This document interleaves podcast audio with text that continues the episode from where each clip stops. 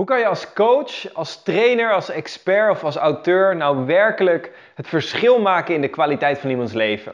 Hey, welkom. Leuk dat je deze video kijkt. Mijn naam is Pim Jansen. Ik help coaches krachtige presentaties te geven, daarmee hun ideale coachingklanten aan te trekken en alles daaromheen om een succesvolle coachingpraktijk op te bouwen.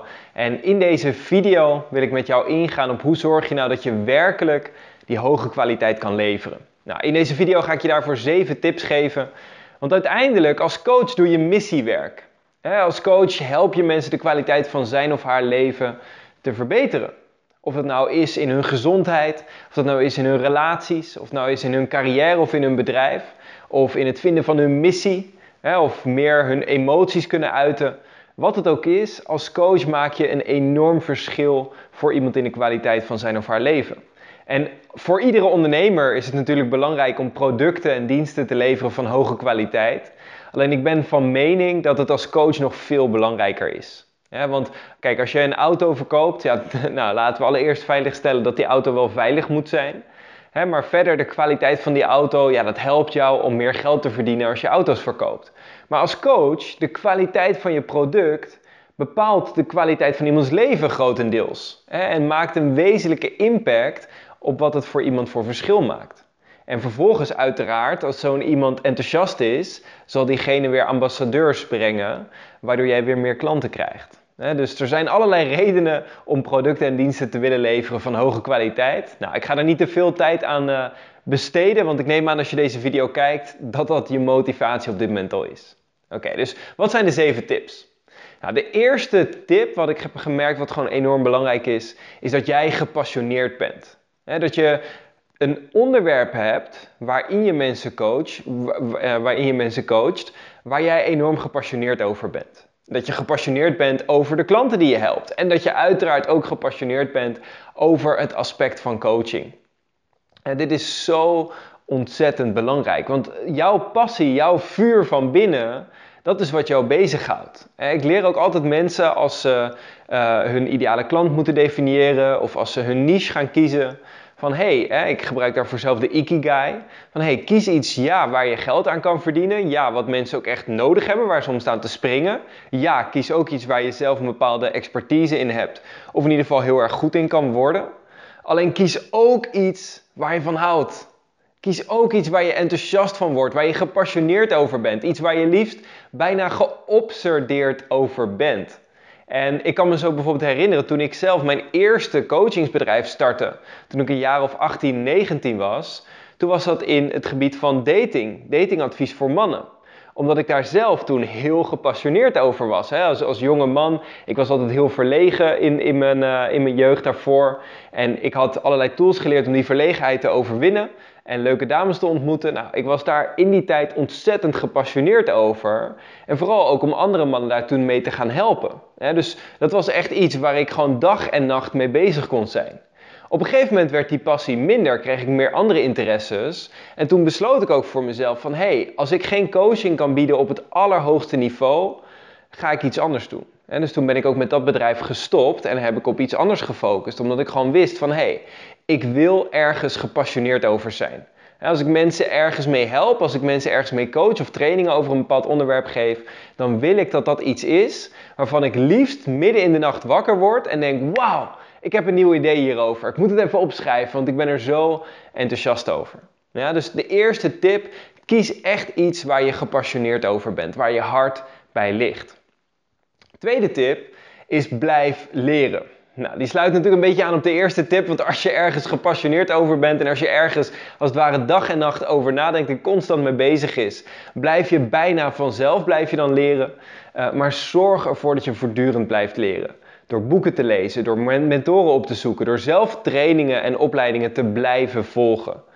Ik heb de afgelopen jaren iets meer dan 30.000 euro geïnvesteerd in verschillende opleidingen, verschillende coaches, verschillende trainingen. En ook dit jaar ben ik weer gewoon weer een nieuwe opleiding aan het volgen. Waarom? Niet omdat ik het nodig heb om klanten te krijgen. Sterker nog, die opleiding gaat helemaal niet over klanten krijgen. Niet omdat ik het nodig heb om een goed product of goede dienst te leveren. Maar omdat ik voortdurend wil blijven leren. Door voortdurend in die studentmodus te blijven zitten. Voortdurend informatie in je op te blijven zuigen. Voortdurend jezelf ook weer open te stellen zorg je A, dat je blijft resoneren, dat je blijft weten hoe dat leerproces eruit ziet. Maar het zorgt ook dat je gewoon voortdurend meer tips, meer kennis, meer vaardigheden hebt om jouw coachingklanten te kunnen blijven helpen. En om die trainingen effectief neer te kunnen zetten. Nou, vervolgens de derde tip, moet ik heel even spieken. Ja, de derde tip is wees specifiek. wees specifiek. En daarmee bedoel ik vooral wees specifiek in datgene wat je aanbiedt. Ik zeg altijd, als je bijvoorbeeld een training organiseert, wat ontbreekt er bij de meeste presentaties? Is simpelweg helderheid. De meeste presentaties die gaan van hot naar her, die gaan alle kanten op, waardoor het totaal verwarrend is voor het publiek wat ze nou echt leren. Ja, dus op het moment dat jij specifiek bent en weet, hey, dit is het doel, dit is het specifieke doel wat je in deze presentatie of in deze training of in dit coachingstraject gaat leren, dan kun je ook alles daarop afstemmen. Zodat je ontzettend uh, specifiek, ontzettend doelgericht kan gaan werken. Nou, het bijkomende voordeel als je een training of een groepscoaching traject organiseert, is dat iedereen dus hetzelfde doel heeft en dat mensen elkaar ook dus nog makkelijker accountable kunnen houden en nog makkelijker kunnen stimuleren om met elkaar stappen te zetten. Ja, ik heb gewoon gemerkt dat dat het een heel stuk makkelijker maakt als je allemaal op één lijn zit en daardoor die focus kan behouden. Vierde tip voor deze video is hou het simpel. Kijk, wat ik zo vaak merk hè, als coach, als trainer, als expert, omdat je voortdurend aan het leren bent, omdat je voortdurend zelf stappen aan het zetten bent, hebben we vaak de neiging om al onze kennis en al onze vaardigheden te willen delen. Alleen de uitdaging is dat, zoals Tony Robbins altijd zegt, complexiteit is de vijand van executie. Oftewel, als iets heel ingewikkeld wordt, gaan we het gewoon niet meer uitvoeren. Dan stoppen we gewoon, dan doen we het niet meer. Dus de kunst is, hoe kan ik het zo simpel mogelijk houden? Hoe kan ik mensen stap voor stap helpen, stap voor stap begeleiden? Zo ben ik voortdurend zelf ook bezig met mijn eigen trainingen. Van hey, hoe kan ik het in kleinere stapjes opdelen? hoe kan ik bijvoorbeeld in mijn Spreken met Impact Bootcamp, waar het doel is om binnen vier dagen het fundament voor een krachtige presentatie klaar te hebben, waarmee je jouw ideale coachingklanten aantrekt, als ik merk dat het ergens te ingewikkeld wordt, waardoor mensen het niet gaan toepassen daarna, dan is aan mij de uitdaging: hey, hoe kan ik het simpeler houden? Hoe kan ik zorgen dat de kans zo groot mogelijk is dat mensen het ook echt gaan doen, zonder daarbij de kwaliteit van wat je biedt te compromitteren? want als je zegt, ja, ik ga het gewoon heel simpel maken, maar daardoor werkt het niet meer, dat wil je ook niet. dus de echte kunst, en dat is in mijn ogen een beetje de magie van het geven van effectieve training en effectieve coaching, is dat je het zo simpel maakt dat mensen het zo makkelijk mogelijk kunnen begrijpen. En de kans zo groot mogelijk wordt dat mensen het ook echt gaan toepassen, maar tegelijkertijd niet te simpel dat het niet meer werkt. de goede nieuws is dat de meest effectieve oplossingen zijn vaak ook de simpele, elegante oplossingen waar je gewoon straight to the point weet, hey, dit zijn de dingen waar ik op de focus heb. Het goede nieuws is, heel vaak is dit ook zo. Heel vaak zijn er in ons leven gewoon vijf of zes dingen waarvan we weten als ik daar de focus op hou, als ik daarmee bezig ga, dan gaat dat me helpen om stappen te zetten en uiteindelijk mijn dromen en doelen te verwezenlijken. We maken het gewoon vaak veel te ingewikkeld voor onszelf. Goed. Tip nummer 5. Yes, tip nummer 5 is uh, moet ik nog even een keertje kijken. Yes. Ehm, geef nooit korting, maar voeg in plaats daarvan waarde toe. Nou, wat bedoel ik daarmee? is een concept wat ik in eerste instantie leerde van Russell Brunson, de oprichter van ClickFunnels, een van de snelst groeiende softwarebedrijven ter wereld. En hij zei op een gegeven moment een les die hij weer had geleerd van zijn mentor Dan Kennedy, was dat als je niet de allergoedkoopste in je markt bent, dan heeft het geen enkel competitief voordeel om de op één na goedkoopste te zijn. want de mensen die op prijs selecteren, die zoeken gewoon de goedkoopste. En alle andere mensen zoeken meestal naar de beste kwaliteit in verhouding met natuurlijk een prijs die ze kunnen betalen. maar de meeste mensen zijn vooral gericht op de beste kwaliteit. In ieder geval de mensen die serieus zijn. Als je ergens niet gepassioneerd over bent, dan zoek je vaak het goedkoopste. Maar als je ergens echt gepassioneerd over bent en serieus over bent, dan zoek je vaak het beste. Dan wil je hoge kwaliteit. Dan wil je daar ergens ook in investeren. Het interessante is, zeker als coach, zeker bij trainingen, als jij hoge kwaliteit biedt, mensen zoeken je niet omdat je zo goedkoop bent. Natuurlijk zullen ze dat wel zeggen en mensen zullen misschien ook wel om korting vragen. Maar kijk, waarmee help je mensen nou meer? door ze een korting te geven van een paar honderd euro of door ze meer resultaat te bezorgen. Als iemand bij mij komt, omdat iemand uh, wil leren spreken, ja, en iemand volgt mijn training, is 2000 euro.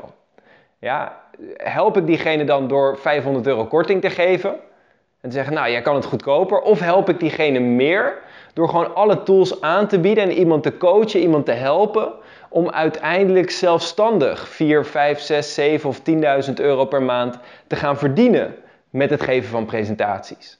Waarmee bied ik iemand meer waarde? Met het tweede natuurlijk, door meer waarde toe te voegen.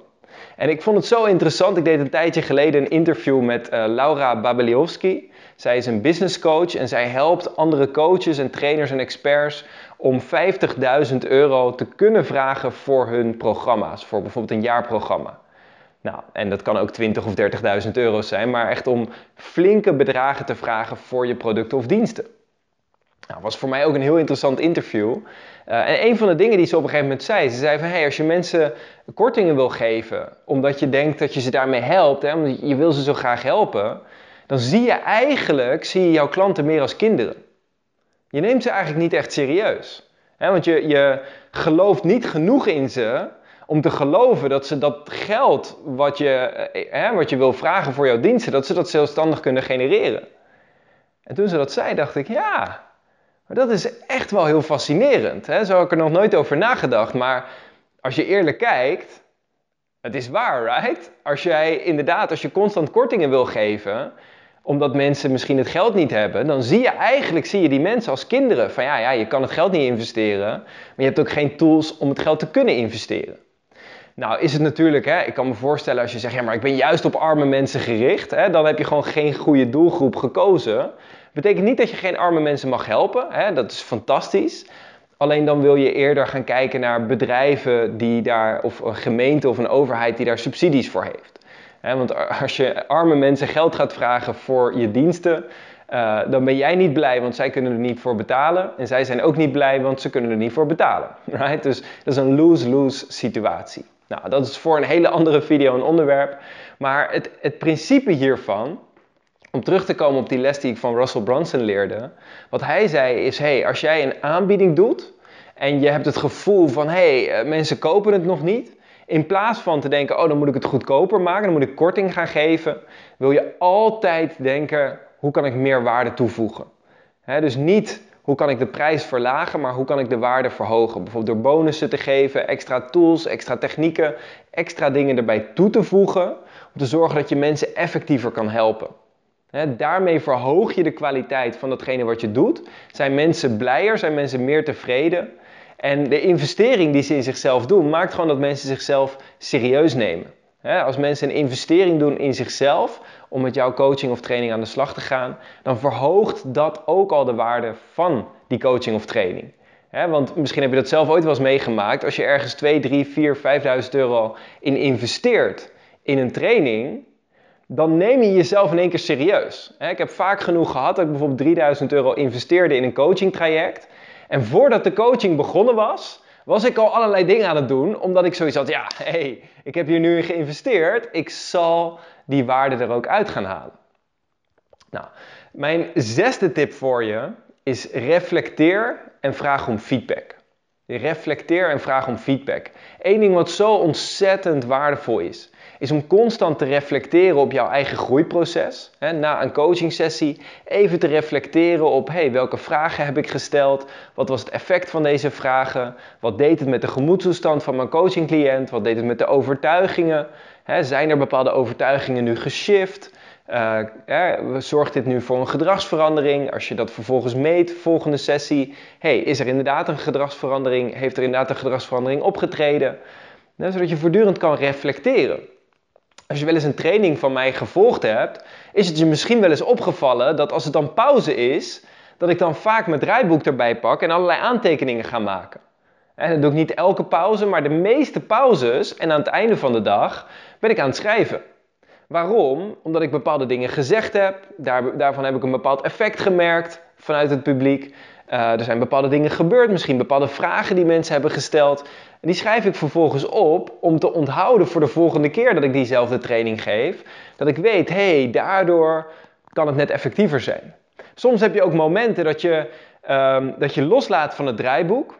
Als het, als het om een training gaat, dat je echt even in de flow komt. Dat er ineens geniale inzichten in je opkomen.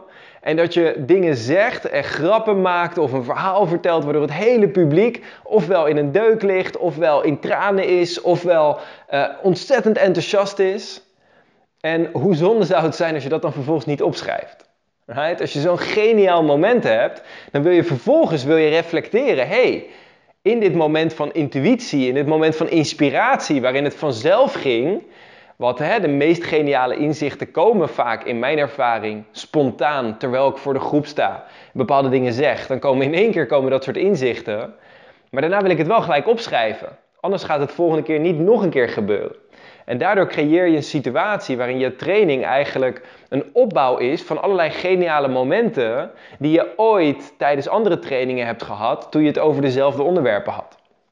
En daardoor wordt de kwaliteit wordt gewoon steeds hoger en hoger. Tegelijkertijd wil je ook vragen om feedback.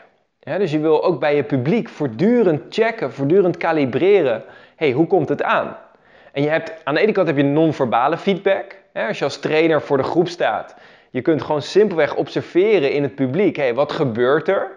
Worden mensen enthousiaster? Zitten ze aandachtig te luisteren? Begint de aandacht te verslappen? Is er daarbij iets nodig? Hebben we een energizer te doen bijvoorbeeld om de energie weer omhoog te krijgen? Of uh, is er iets wat misschien te ingewikkeld is op dit moment? Heb ik het simpeler te maken? Dus je, je hebt aan de ene kant non-verbale feedback. En aan de andere kant heb je natuurlijk verbale feedback. Nou, dat is natuurlijk heel belangrijk. Je wilt niet tijdens de training feedback vragen. Je wilt niet zo voor de groep zitten van, uh, jongens, uh, doe ik het eigenlijk wel goed? want dan, dan merk je dat je tegen je eigen overtuigingen aanloopt. Maar wat je wilt doen, is bijvoorbeeld achteraf met een paar mensen uh, babbelen en vragen: hey, goh, wat is het belangrijkste wat je vandaag hebt geleerd? Of is er iets wat wellicht nog niet helemaal helder is voor je? Door je gewoon door gerichte, specifieke vragen te stellen en daardoor feedback te verzamelen, krijg je tools om je volgende training weer beter te maken. Nou, mijn zevende en laatste tip is: doe het samen. Doe het samen. Zorg dat je het niet alleen doet. Je kan zoveel van anderen leren. Kijk, wat ik vaak merk, zeker voor beginnende coaches en beginnende trainers, en ik ben hier zelf ook echt wel tegen aangelopen in het begin, uh, dan creëren we een soort ego. Hè. Vaak het ego voelt zich eerst inferieur en daarna superieur. Dus in het begin is het, oh, ik ben niet goed genoeg om te coachen, ik ben niet goed genoeg om te trainen, noem het maar op. En dan op een gegeven moment, om daarvoor te compenseren, wat gaat het ego doen? Het ego gaat zichzelf superieur uh, vinden en een soort superieure identiteit aannemen. Als in ik geef de allerbeste trainingen ter wereld, ik ben de beste trainer, ik ben de beste coach.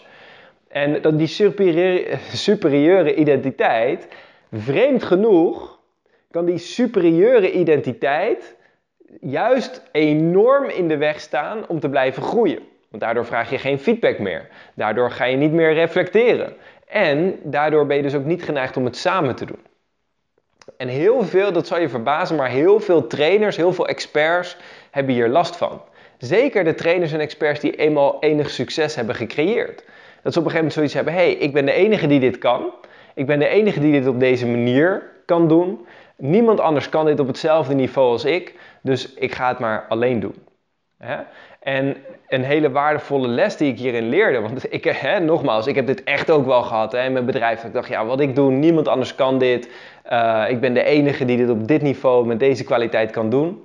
Uh, maar toen ik een paar jaar geleden met uh, Rutney, Rutney Sluis, ging samenwerken, toen kwam ik er juist achter dat hij heel erg van het samen is. Hij heeft op een gegeven moment zelfs een project gestart, Doe het Samen.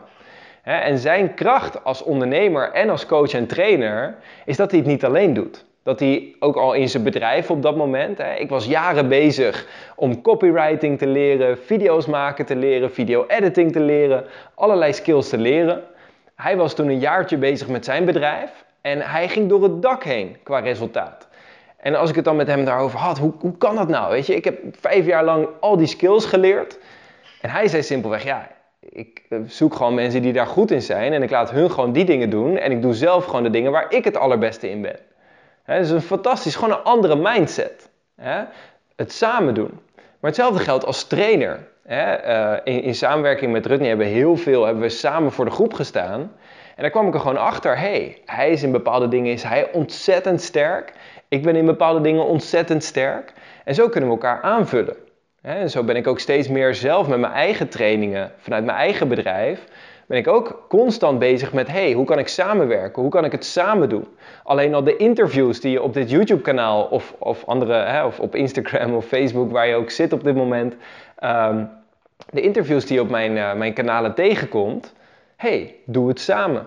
Ik kan denken en geloven dat ik alle waarheid in pacht heb en dat ik de enige ben die weet hoe dit allemaal werkt. Of ik kan denken, hey, wat als ik die superioriteit loslaat? Wat als ik me gewoon nederig opstel? Wat als ik gewoon andere mensen interview en hen vragen stel en ervan uitga dat er nog dingen zijn die ik niet weet? Ook al heb ik misschien tien jaar lang allerlei boeken gelezen, noem het maar op. Als ik ervan uitga dat er dingen zijn die ik niet weet, wat zou dat dan kunnen zijn? En hoe kan ik met andere perspectieven, hoe kan ik daar zelf weer van leren, zodat ik de kwaliteit van wat ik doe kan verhogen? Dat is wat voor mij heel goed werkt. Je kunt uiteraard kun je uh, voor jezelf bepalen, hey, hoe kan jij het samen doen? Hoe kan jij samenwerkingen instellen om de kwaliteit van jouw coaching, de kwaliteit van jouw trainingen te verhogen? Nou, ik hoop dat je iets aan deze video hebt gehad. Ook de persoonlijke voorbeelden die ik geef, hè, dat is simpelweg hoe ik het aanpak. Ik hoop dat dat het relateerbaar maakt, zodat je wat ideeën krijgt hoe je het zelf kan aanpakken. Je hoeft het natuurlijk absoluut niet hetzelfde te doen als ik. Dat zijn slechts mijn voorbeelden van mijn dagelijks leven, mijn praktijk. Uh, en doe ermee wat voor jou het allerbeste werkt. Goed, Hey, vandaag een fantastische dag gewenst. Ik hoop dat je uh, dit gaat toepassen. En ik hoop dat je hiermee de kwaliteit van jouw coaching, de kwaliteit van jouw trainingen gaat verhogen. Zodat je mensen meer waarde kan geven en daarmee het verschil kan maken met jouw coaching of jouw trainingen. Nogmaals, geniet van je dag vandaag. Als je dit een waardevolle video vindt, klik even op een duimpje omhoog. En volg me op het kanaal waar je deze video nu ziet. Dan uh, bij deze, tot de volgende video. Ciao, ciao!